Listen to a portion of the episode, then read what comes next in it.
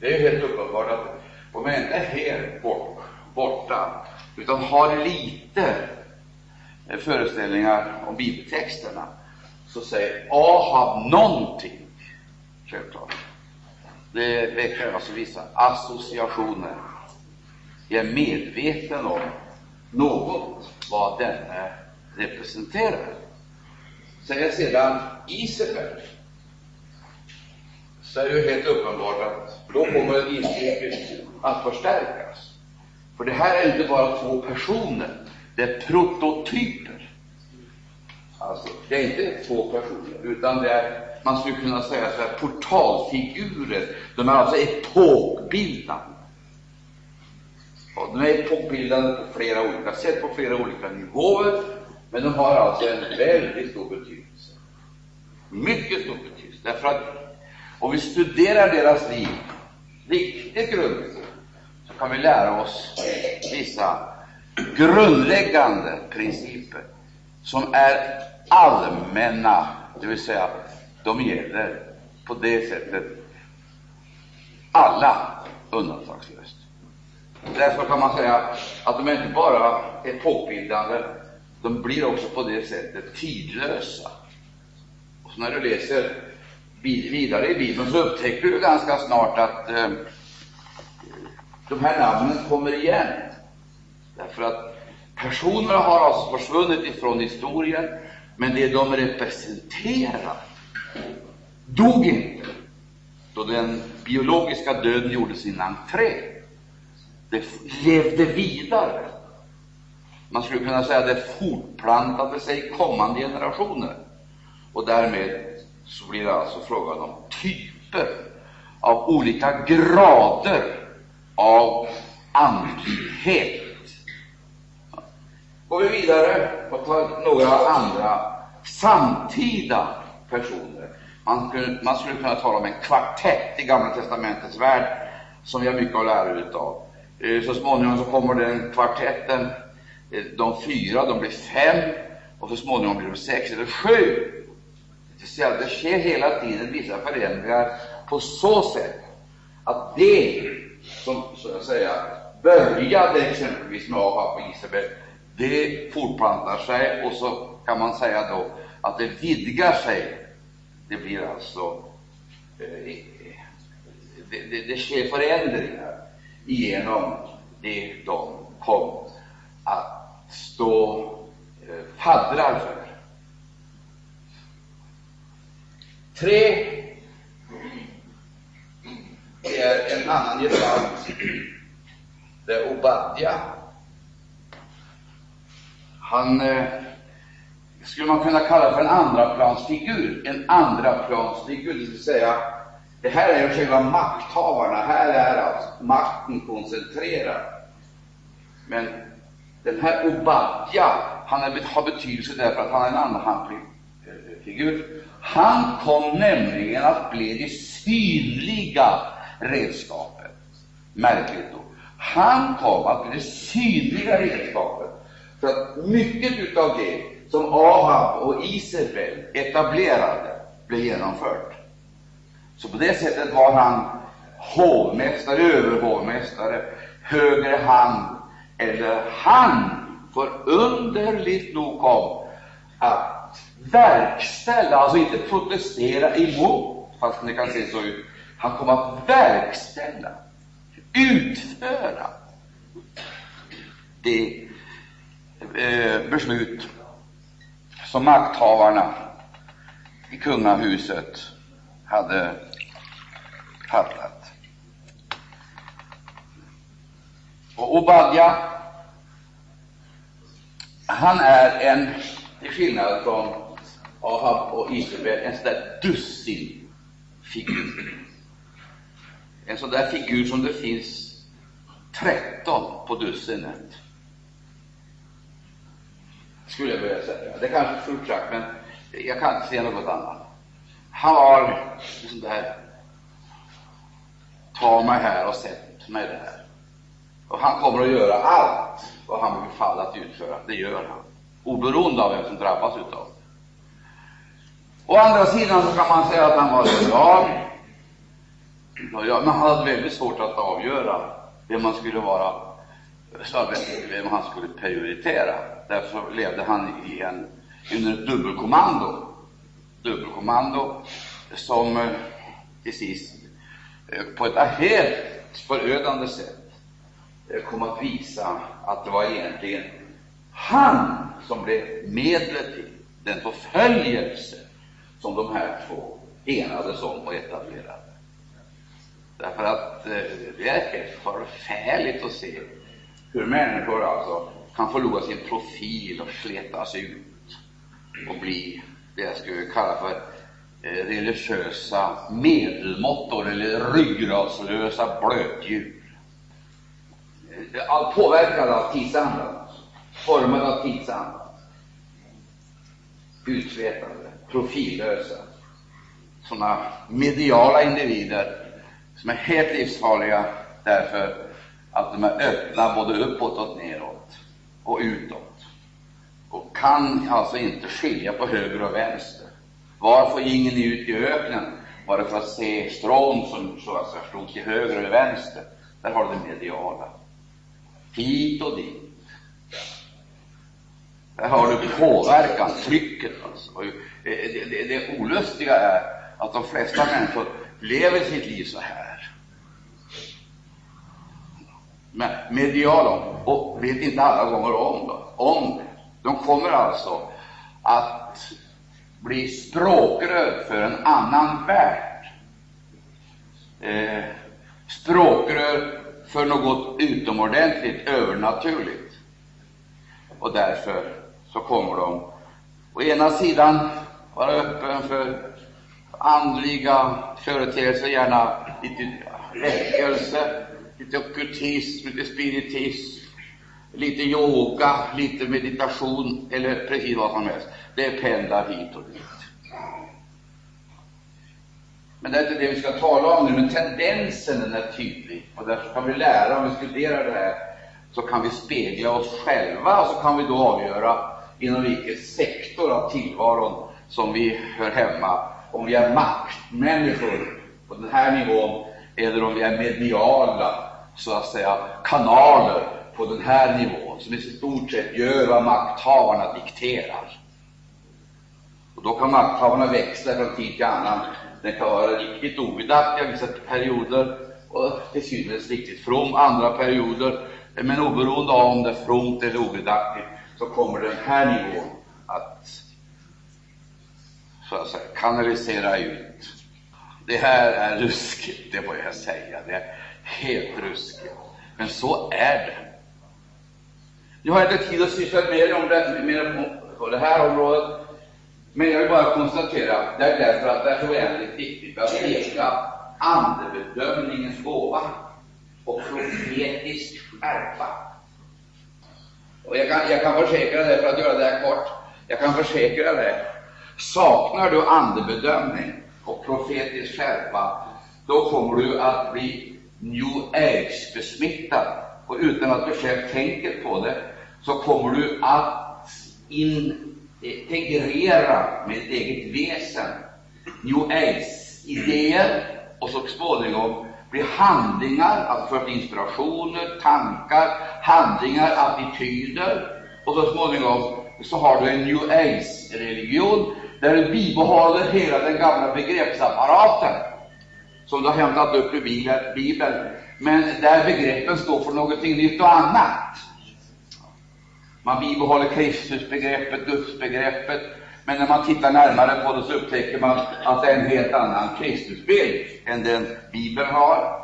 Dessutom så är det en annan Gudsbild, det är en annan människosyn och det är en annan världsbild. Alltsammans det här blir en enda religiös mix sammansatt utav allt tänkbart, allt gods, moraliskt, religiöst, politiskt, eh, både på horisontalplanet och vertikalplanet. Nog behöver vi vaksamhet.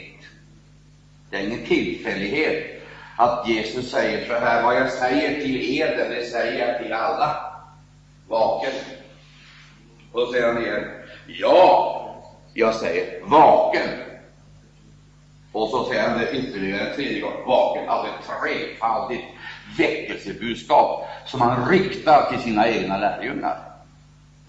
Tre olika nivåer där varje enskild lärjunge är utsatta för regelrätta metodiska attacker. Först sinnevärd, tanken, sen känslan och så, och så, så småningom upplösningen av viljan. Förvirrade tankar, motsträvande känslor och upplöst vilja. Vad vi ska sträva efter, det är att komma fram till förståndsvishet, hela kunskap. Det är annat. Vi måste få intellektuell klarhet. Någon har sagt att en kristen det är en som går med huvudet i den ena armen och Bibeln under den andra. Så får det inte vara. Självklart måste ha kunskap. Akta dig, jag skulle vilja säga det, välj noga universitetet, akademin eller lärosalen. Det är inte likgiltigt vem som förmedlar kunskapen och ur vilka källor man hämtar kunskapen. Så kommer det spännande, skulle jag vilja säga. Det här är mycket vanligt, och det finns mer eller mindre i alla tider. Finns det. det finns här i den här lilla samhället tendenser. Och det är inte svårt för mig att ta fram att det är på det viset. Jag kan göra en snabbtest och, och kolla hur vi reagerar i de enskilda situationerna, hur vi pendlar. Vi pendlar mellan ideal och verklighet. Vi har alltså ett ideal, men så har vi en verklighet. Vem är det som styr oss? Och verkligheten, vad är det för någonting? Idealet, vad är det? Ska vi börja ta upp frågorna som har med relationen att göra? Vi kan ta bidragen, statsbidrag i alla dess former, subventionerna i alla dess former. Vi kan börja och ta ställning till de här frågorna, som naturligtvis inte i något avseende är betydelselösa, men synnerligen viktiga. Men jag tar inte upp det där, för då blir det så dystert när jag säger det här. Eh, det är ingen bra utgångspunkt att tala till människor som känner sig anklagade, utan vi måste nyktert se på det och ta ställning till vad är det som avgör så att säga, vår andliga kvalitet. Och hur ska det bedömas? Eh, det kan inte vara en tillfällighet att eh, man ropade om hjälp man bad att Gud skulle rannsaka njurar och hjärtan. Rannsaka och se om jag är på en olycksväg. Om det nu är så att det är någonting som inte stämmer, eller är i överensstämmelse med din plan, så är det frågan om en nödvändig korrigering. Och jag kan försäkra er att det är inte vanligt att människan vill underkasta sig en sån förödmjukande handling som det är att bekänna nu har jag gjort fel. Utan då gör man en sån där kringgående rörelse eh, och, och, eh, istället för att vara ärlig och uppriktig så blir det lite diplomatiskt, psykologiskt, new age-betonat. Vet du vad som frälsar en människa? Vet du vad som frigör? Vet du vad det är? Det är sanningen, tror du det? Inte den hemgjorda sanningen, det tillrättalagda, utan det är sanningen. Är det det som frigör så säger jag amen. Och istället så försöker vi att sockra sanningen med det vi kallar för kärlek, för då blir det behagligare.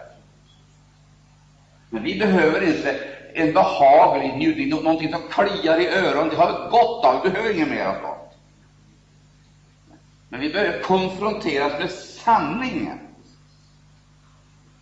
Och då är det väldigt viktigt att vi lär oss att sanningen är ju inte ett medel som man slår människor i huvudet med Eh, för att få dem, eh, så att säga, eh, nedstämda, utan det är ju Guds medel att frigöra oss. Och det är sanningen som gör fri, inte kärleken, den gör inte fri. Det vore konstigt om, om kärleken skulle frigöra. Kärleken är ju till för att binda. Det är väl det som binder oss ihop, eller hur? Men sanningen är det som frigör, det vill säga åtskiljer åtskiljer. Vad som ska åtskiljas, ja, det är ju som du vet från Hebreerbrevet. Gud var det då för att det är inte bara de här tre som opererar på fältet, eh, utan det finns en fjärde som förmodligen har den största och mest avgörande betydelsen.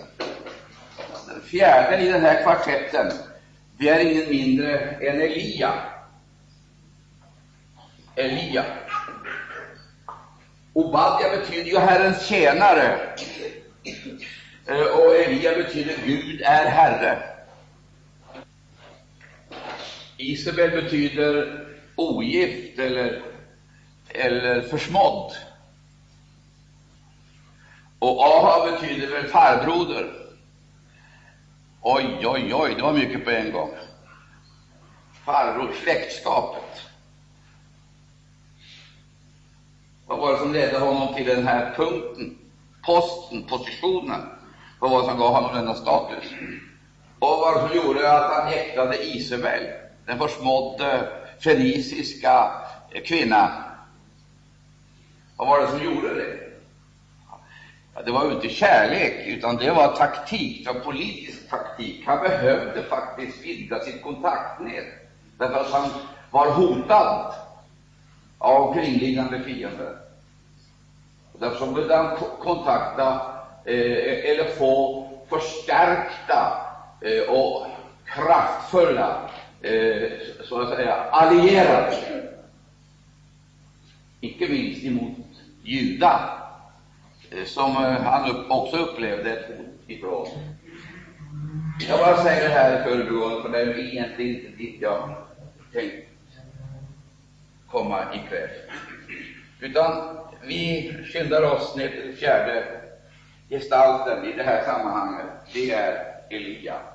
Och nu är det sagt, om de här representerar den politiska och religiösa makten, så kommer Obadja att bli en budbärare på ett alldeles speciellt sätt. Det står om honom att han var ivrig. Han sökte Herren med iver. Men det gjorde fariseerna också. Aposteln säger att de nitälskade för Gud, säger han. Men de gjorde det inte på rätt sätt, och de sökte nå fram till ett resultat och ett mål på fel väg. Som avseende på ivern så var det inget fel, men det var andra fundamentala orsaker till att det här gick snett. Då kommer nästa fråga. Vem är egentligen Elia? Ja, det är helt uppenbart att han är en person, han är en man. Och du, nu står det så här. Elia var en man med samma natur som vi. Inbilla dig icke för ett enda ögonblick att Elia åkte omkring och erbjöd karismatiska utlevelser. Tro det inte. Det kommer av sig själv. Man behöver inte jaga Eh, sådana utfästelser för att försöka få sin tro manifesterad. Det är att handla rakt emot vad Bibeln säger. Det står ingenstans att vi ska jaga tecknen. Det står det inte. Dessa tecken ska följa. Stämmer det, säger han, och det är något annat. Vi ska inte jaga tecken och under för att se och vara med dem, ramla i golvet eller någonting annat. Spektakel! Spektakel, och ingenting annat än spektakel. Men det står dessa tecken ska åtfölja den som tror. Stämmer det, då säger han amen. Och det är någonting annat. Jag, jag, jag ser den här rörelsen i andevärlden röra om och röra ut människors sinnen. Och människor kastar sig huvudlöst, tandlöst, in i ett och annat religiöst spektakel för att få någonting utav det. Och så suger de musten utav en egotripp. Och därför Jag inte komma upp, leva? Kära ni, ska man ta upp kampen emot den fiende som vi verkligen har, behövs det annat än egotrippar. Då måste man ha kunskap. Det vill säga, man måste ha barlast. Så måste man ha ett rotsystem. Och båda delarna, det är det fördolda. Det syns inte, men det finns där. Stabiliserande. Så man inte, så att säga, blir ett offer för vindkasten. styrs av dessa vindkast. Eller så att man vissnar när torkan kommer. Det finns en rot i det fördolda. Det är Guds liv. Det står i Jakobs brev, alltså Nytestamentet, i det brevet som jag vågar påstå är det märkligaste som vi har i Nya testamentet. Fullständigt motsägelsefullt, skulle man kunna säga. Det är svårt att förstå Jakobs brev. Det är det verkligen. Ty när man ser författaren som skriver och adressaten som tar emot det, så vet man ju att det är inga periferiska människor. Det är människor som har levt sitt liv i centrum, som har varit med i Jerusalem under pingst och som genom förkunnelse av undervisningen och genom stora och djupgående erfarenheter, så att säga, visste kolossalt mycket. De hade kunskap alltså. Och ändå så heter det så här, lyssna på det här. I bedjan, tack och lov, det skulle man väl säga. Ära vare Gud för en bedjande församling. Ifrån vad? Meningslösa böner av andedöda människor som beder i renodlad egoism utifrån sina materiella begär. New Age. I bedjan förvisso, men ni får inte. Hur kan det vara möjligt att det finns bedjare som måste konstatera att bönesvaret uteblir? Kommer ingenting, händer ingenting. Visst händer det, men de får inte det de beder om. De får säga tack och lov för det. Det heter i bedjen, illa.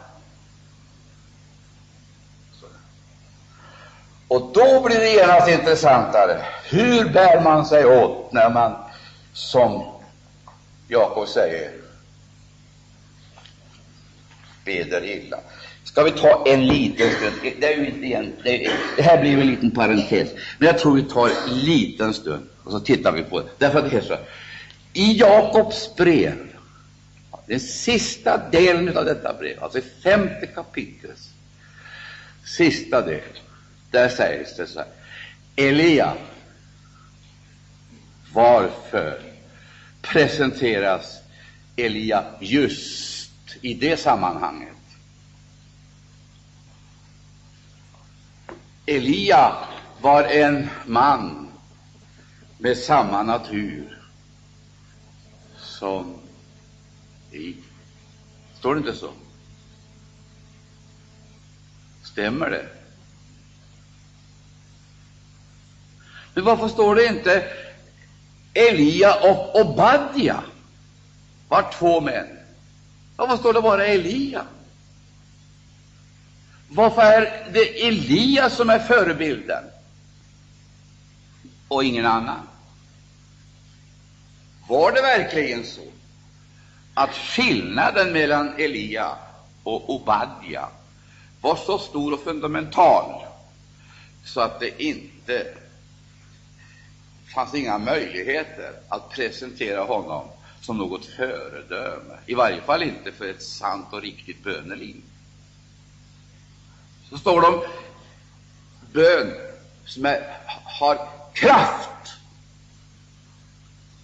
Om vi tittar ett litet ögonblick på det femte kapitlet. Vi stannar lite där, jag bara läser det. Jakobs brevs femte kapitel så, så står det så här i första versen.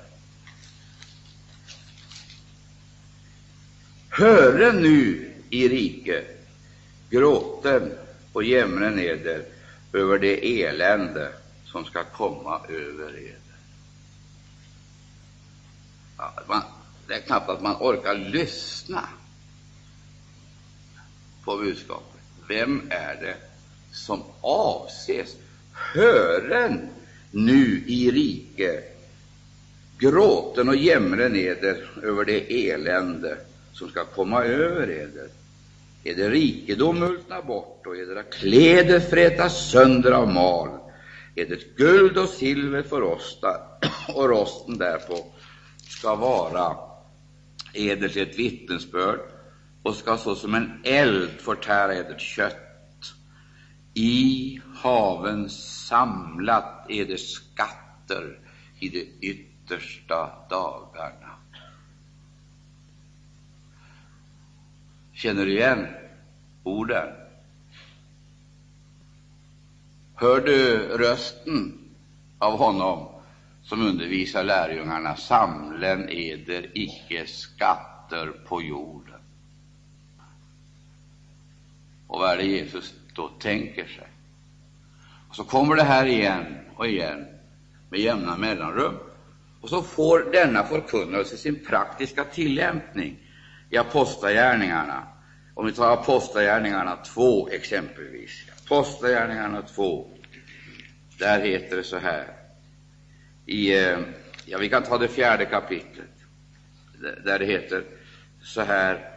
Eh, och det, naturligtvis, sammanhanget här är ju ingen tillfällighet. Det är inte så att, att man har plottrat ihop några delar utav det skeende som så att säga pågick i Jerusalem efter pingsten. Här finns det en logik och en konsekvens från början till slut. Den här logiken den tar sig eh, den uttryckes på det här viset. När de hade slutat att bedja, det var det det gällde, bedja, inte bedja illa och själviska böner, när de hade slutat att bedja skakades platsen där de vore församlade, och de blev alla uppfyllda av den heliga Ande, och de förkunnade Guds ord med frimod. Eh, kan det bli bättre än så? Det här måste väl vara idealet för all andlig verksamhet. Och den här eh, det här idealet det hade alltså sina speci helt speciella förutsättningar. Det fanns en plattform. Och det fanns en andlig bärighet. När jag hade slutat att bedja. Och nu, Herre, här har du alltså böneämnet. Och det var inte en nedskriven bön så att alla, var och en, fick så att säga ett cirkulär. Utan det här var bön under Andens kontroll. Och den bads av hela menigheten som om det vore en person. Den bads med en mun, ett hjärta, en själ, och därför fick den makt. Makt inför Gud. Och det här måste vi göra klart för oss. Här ligger en stor hemlighet. Jag måste säga det en gång till. Det var en bön. Och, och vi säger disciplin, ett disciplinerat böneliv. Ett koncentrerat böneliv. Eller också, som vi har påmint varandra om gång efter en annan under den här tiden, det heter var två eller tre kom överens om att bedja om vad det vara må, det ska beskäras dem av min fader som är i himlen. Stämmer det? Alltså överenskommen bön. Enhet, endräkt. Det är alltså inte splittrade intressen. Det var inte så att var och en presenterade sina privata eller personliga behov i det här sammanhanget. Två eller tre kom överens att be dem. Finns det något böneämne som är självklart för alla kristna och som de borde träda fram inför Gud och bedja med makt, precis som Elia gjorde? Vad skulle det kunna vara? Gud, se till ditt folk. Upprätta din makt. Ge ditt folk en myndighet som du har kallat detta ditt folk till vilket du har knutit ditt eget namn. Ge dem den myndighet så att de kan använda den fullmakt som du har delegerat dem. Du sa, mig är given all makt himmel och på jord. Säger det, säg amen.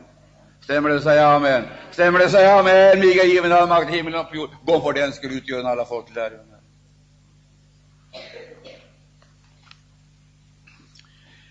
Här finns det ju flera led som vi borde tänka på, men det kan vi ägna oss åt en annan gång. Vi konstaterar att Herren Jesus Kristus har delegerat makt för att vi skulle utföra ett uppdrag. Utföra ett uppdrag. Och det uppdraget får naturligtvis inte förfuskas så att vi får uppdragsgivaren emot oss, exempelvis om det heter ”jag har det, det emot dig”. För att om man har fått sin egen uppdragsgivare emot sig, då blir det svårt. Men jag har en känsla av att i mycket stor utsträckning så är det så här. Man tjänar andra syften än det uppdragsgivaren har så att säga anförtrott eller delegerat församlingen. Därför blir bönerna också därefter. Men nu heter det Två eller tre kom överens att bedja om. Det ska beskäras, vad det vara må. Det ska beskäras dem av min fader som är i himlen. Kan löftet bli generösare? Naturligtvis inte. Men vad är det som gör att vi åter och åter nödgas konstatera det verkar som om hela bönefunktionen den, hade, den har blivit en, en slags, eh, en slags eh, plikt kan inte, någonting måste man ju ha som åtminstone ser ut som bön. Det måste finnas med på programmet åtminstone. Nu hörde jag häromsisten att man hade försökt lösa det här på ett väldigt finurligt och modernt sätt. Man annonserade studier i bön och gjorde bönemötet till en studiecirkel för att få subventioner för bönemötet. Också ett sätt tiden till. Det är ju självklart. Har man inte så mycket tro på Gud eh, så att man inte har tro för ett eget bönemöte utan att staten ska finansiera det, då är det ju lika bra att man stannar hemma och inte kommer tillsammans. För då blir det ju sammankomsten till försämring istället för till förbättring, eller hur? Då kommer man att permanenta ett elände som inte slutar med något annat än total kaos och upplösning. Nu heter det att två, och tre kommer överens att bedja om vad det var. Vad det var. Här måste vi få en förnyad kunskap, och här måste vi öva, det vill säga här måste vi bli lärjungar och komma in i lärjungaskolan, eh, så vi lär oss bedja. Herre, lär oss att bedja besmittande böneliv, så som Johannes lärde sina lärjungar att bedja. Här måste vi komma in i lärjungaskolan, och det har ju med Andens liv att göra, och Andens uttrycksmedel och Andens möjligheter. Två av eder, eller tre. Vi talar ju om massor och vi är så finkänsliga för statistik. Hur många var det? Hur stora offer togs in? I Bibeln finns det inte en rad om statistik. Är det någon av er som vet hur många församlingsmedlemmar det fanns i Efesus eller Korint? Är det någon som vet hur många kronor som, eller hur stora offer som togs in i de olika sammankomsterna på de olika platserna? Är det någon som har en sån där rapport som man kan få läsa varje årsskifte? Finns det någonting sån rapport i den här boken? Långt därifrån. Bibeln är tyst. Vet du varför?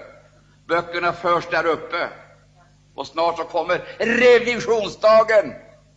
Och då är det inte församlingens revisor som kommer att granska böckerna, utan då är det den heliga Ande kommer att se annorlunda ut. Och Den stora frågan är och förblir om vi är inskrivna där det ger oss inte något utrymme för någon personlig eh, för, för någon, något personligt godtycke. Visst inte. Det är bara att vi måste lära och förstå att det är en väsentlig skillnad på det organiska gudslivet och det organiserade korporationslivet. Församlingen är ingen korporation, den är en kropp. Den är ingen organisation, den är en organism. Församlingen har ett huvud, och varje enskild kristen är en lem. Varje lem har icke ett eget huvud, så att varje lem har ett huvud. Det är en hydra, utan församlingens huvud är Herren Jesus Kristus. Och det är han som har undervisat och sagt oss det här. Han har sagt Hittills har ni inte bedit om något i mitt namn, säger han. Visst hade de bedit, men nu öppnar han en ny dörr i en ny värld med nya möjligheter och nya resurser. Men nu ska ni bedja i mitt namn för att er glädje ska bli fullkomlig. Stämmer det? Vad är det som gör att kristna ser så glädjefattiga ut? De har aldrig förstått den här hemligheten, att vi har fått en nyckel, vi har fått ett namn. Vi kan öppna ett förrådshus av gudomlig härlighet som utlöses, utlöses då vi nalkas Gud på det sätt som Bibeln säger. Halleluja, halleluja, halleluja, halleluja. Och gäller inte det här, då är det bättre att vi ägnar oss åt någonting annat. För att religiösa eh, aktiviteter gagnar ingenting till. Gör inte. Vad som är meningsfullt, det är Guds närvaron. Och den åstadkommes inte genom någon automatik, naturligtvis heller inte genom någon teknik. Gudsnärvaron det är ett resultat av uppfyllda hjärtan, uppfyllda med den heliga Ande.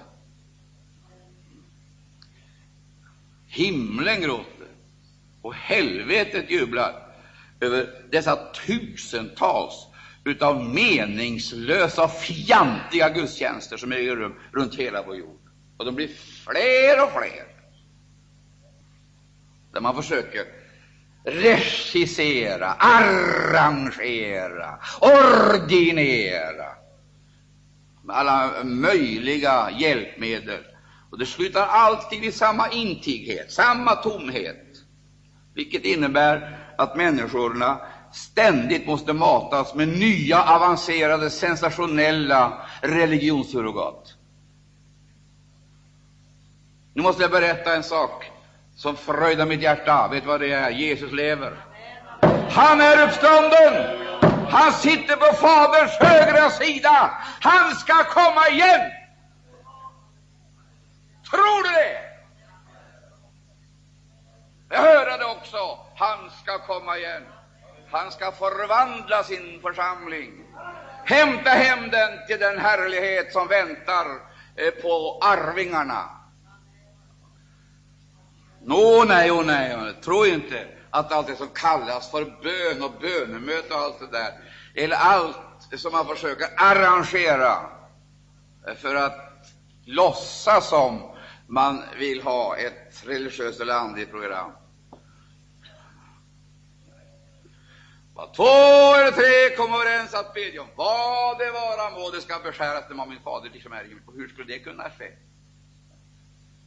Himlens Gud gillar stormöten, jättelika stormöten gillar himlens Gud. Och vet du vad det är? Himmelska stormöten, det är där två eller tre är församlade och Jesus är mitt ibland. Där är ett stormöte. Det kan vara miljoner, eller hundratusen eller tiotusen samlade, och det är, det är ett struntmöte. Därför att det är annat som står i centrum. Det är annat som drar, andra attraktioner. Låt Jesus komma i centrum. Var två eller tre är samlade i mitt namn, där är mitt ibland det. Stämmer det, säger jag, men stämmer det, säger jag, men stämmer det, säger jag, men stämmer det, säger jag, men. Där har vi hela hemligheten. Alltså, det här är stormöte. För du förstår, det sa Elisa, Elias efterträdare då hans tjänare såg fienderna och blev förskräckt. Det var fiender runt omkring. Det fanns ingen möjlighet att besegra dessa enorma krafter. Men då sa Elisa, Herre, öppna hans ögon. Och så öppnade Herren hans ögon, och vad fick han se? Berget var fullt av ryttare och vagnar av eld. Och så sa han, de som är med oss är flera än de som är med dem, än det som är med dem. Den som är för Gud är i majoritet. Om man är ensam så är han i majoritet. Och nu har Gud knutit dessa löften till människor. Man skulle kunna uttrycka det så här. Det är ett maximum av, ett, ett minimum av personer och ett maximum av kraft. Jag stryker under det här igen. Jag tror att det är väldigt aktuellt just i den här tiden att man påminner människor om att det finns ingen hjälp utifrån. Det finns ingen hjälp. Och det finns heller inget hot utifrån som kan förinta om inte göra Guds plan.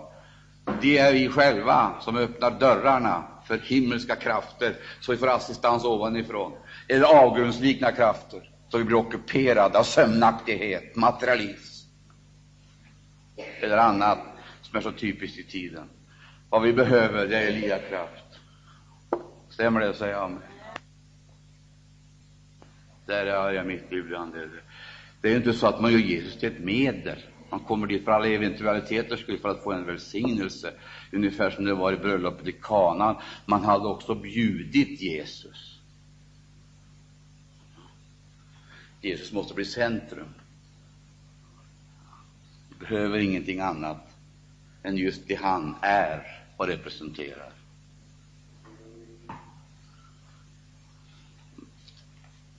Och då kommer det. Två eller tre kommer överens att bedja om. Det ska beskäras dem av min fader som är i himlen. Ytterligare säger jag eder. Det finns ett outtömligt, ett outtömligt förråd av kunskap, löften. Det finns en outtömlig härlighet som han vill anförtro sin församling. Men då måste vi göra klart för oss att församlingen kan inte svika sin uppdragsgivare, sälja sin identitet, integreras med världen.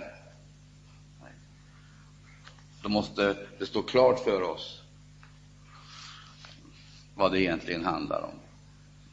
Det är någon som leder sig bön. Jag ska strax sluta, även om jag inte har fått fram det jag egentligen åstundar. Ser vi hur detta så att säga, hur detta kom att påverka församlingen efter pingstens eh, erfarenhet. Alltså hur detta konkretiseras och inte ligger där på ett sånt där högt andligt plan. Det fick sin konkretion. Då kan vi läsa det här oerhörda sammanhanget och fatta. Det heter, hör här, här ser du här ser du vad bönen handlar Det var den gemensamma, överenskommande, överenskommande endräktiga. Och det är dit vi måste komma för att få de här upplevelserna. Och jag läser det med spänning. så läser jag det här. Den verklighet som vi möter, den ser så helt annorlunda ut. Jag vet heller inte om vi överhuvudtaget förväntar oss dessa klara och tydliga sanktioner, himmelska sanktioner.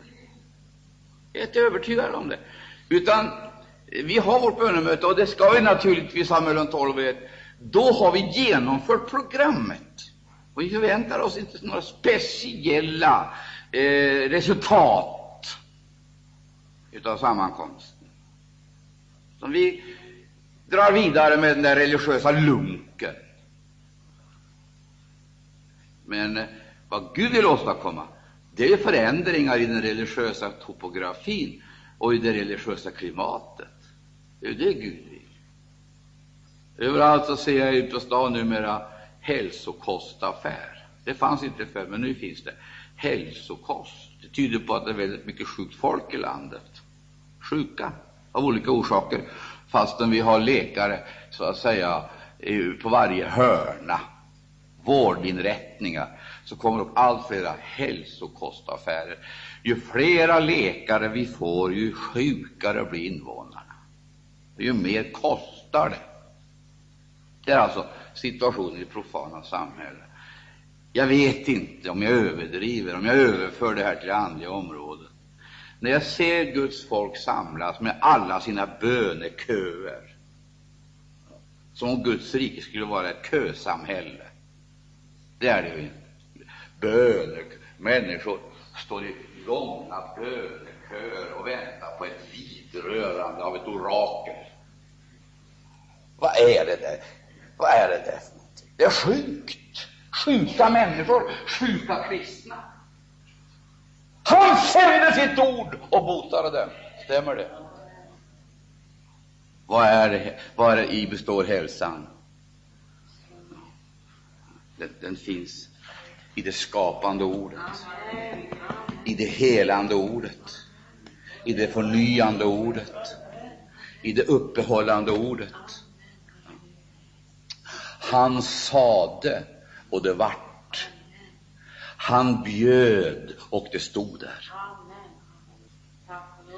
Jag är helt övertygad om att vi går in i en tid då det här ska synliggöras och uppenbaras på ett så naturligt och enkelt sätt så det blir lika naturligt att ta emot helbrägdagörelsens bröd som det blir att äta av ett dukat bord. Det behövs inga specialarrangemang. Det blir en del av förkunnelsen, ett naturligt utflöde som också inkluderar denna utomordentliga sanning. Guds, hela Guds rådslut inkluderar också hälsa. Och nu, Herre, se till deras hotelser och giv dina tjänare att de med all frimodighet må förkunna ditt ord. Där har du böneämnet. Där har du lösenordet. En frimodig förkunnelse genom andesmorda förkunnare. Där har du lösningen. Vi behöver inte flera gudstjänst, flera metoder. Vi behöver andesmorda förkunnare som inte prutar av eller kompromissar, utan bär fram hela Guds råd, slut i frälsning. Det är det vi behöver. Och sånt får man inte vid seminarierna, akademierna eller universiteten. Det är sådana som fostras i Andens universitet, specialutrustas för Elia-uppdrag i sin samtid.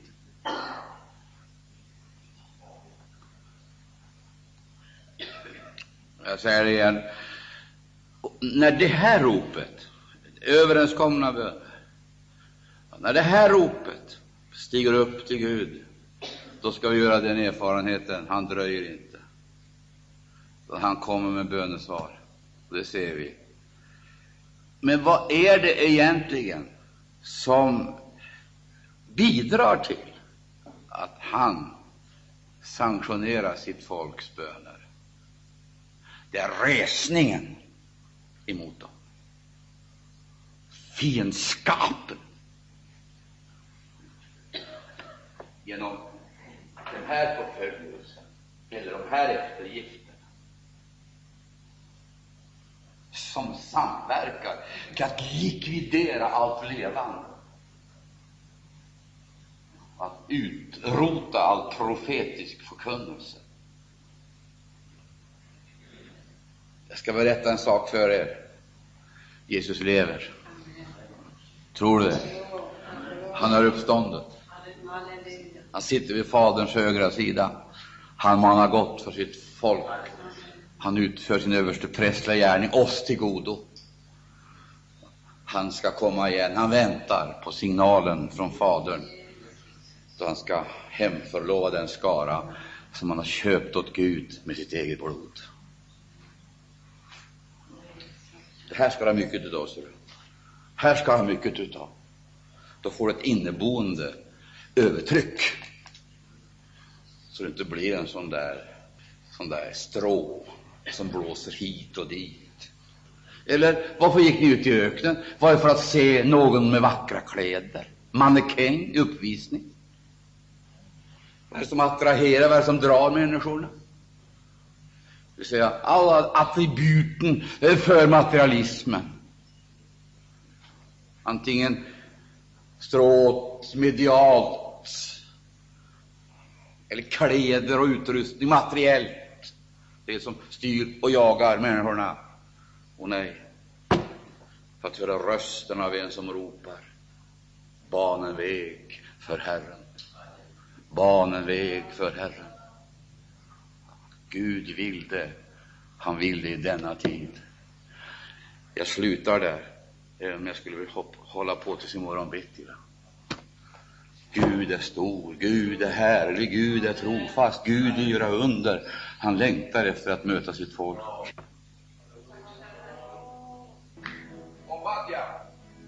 Jag måste ställa några frågor till dig. Svara mig.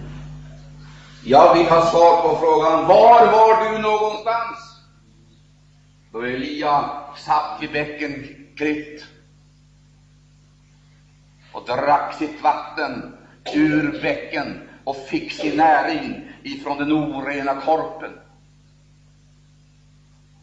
Var var du någonstans? Elia ensam, övergiven och utdriven ifrån sitt landsterritorium på hednisk mark.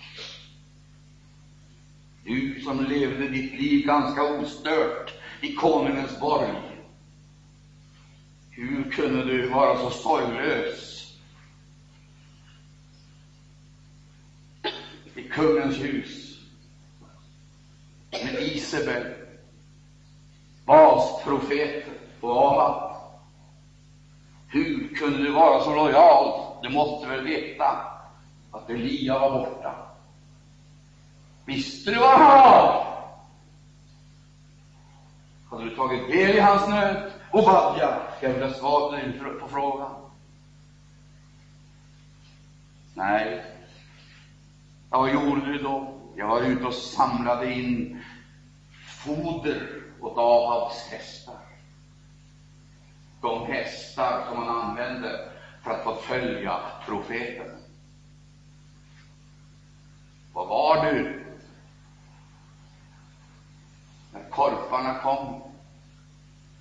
Den ensamme mannen som satt där vid bäcken utanför, utstött, ensam, utan rättigheter och värdighet. Ditsänd, inte som ombud för kungens hus, diplomat eller statsman, men som främling och Herrens profet. Var du när Elia fick uppdragsorden? Fick gå till en änka. Gud som säger jag har räddat 50 profeter då, 50 profeter då. Hade du inte ett mål mat åt profeten eller en säng åt honom? Fanns inget utrymme som du kunde reservera för den uppgiften. Obadja, är du medveten om att det var du som genom ditt arbete och dina aktiviteter lojalt tillgodosåg de behov som måste fyllas för att förföljelsen kunde fortsätta. Utan hästar var Ahab oskadliggjord. Det var Gud som uppehöll livet på hästarna genom din lojade och genom näringen du försåg av dig. Förföljelsen kunde fortsätta. Åh nej, vi förstår inte riktigt halvdanhetens konsekvenser. Vi fattar inte. Vi kan absolut inte tänka oss att vi på något sätt skulle ha någon som helst orsak till att förföljelsen, ljumheten, avfallet, det fortgående avfallet eller någonting annat. Kan fortsätta. Vi fattar passivitet, likgiltighet, ljumhet, lojalitet, solidaritet mot världskrafterna bidrar till att Elia blir utjagad, förföljd.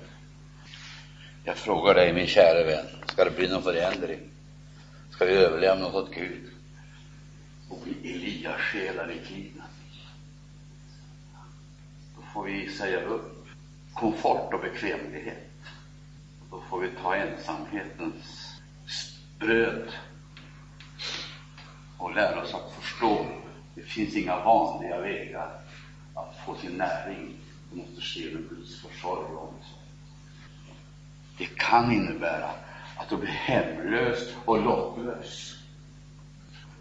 Om jag sa bet för mig, så tycker jag inte att det räcker till. Jag skulle vilja ropa Gud i himlen.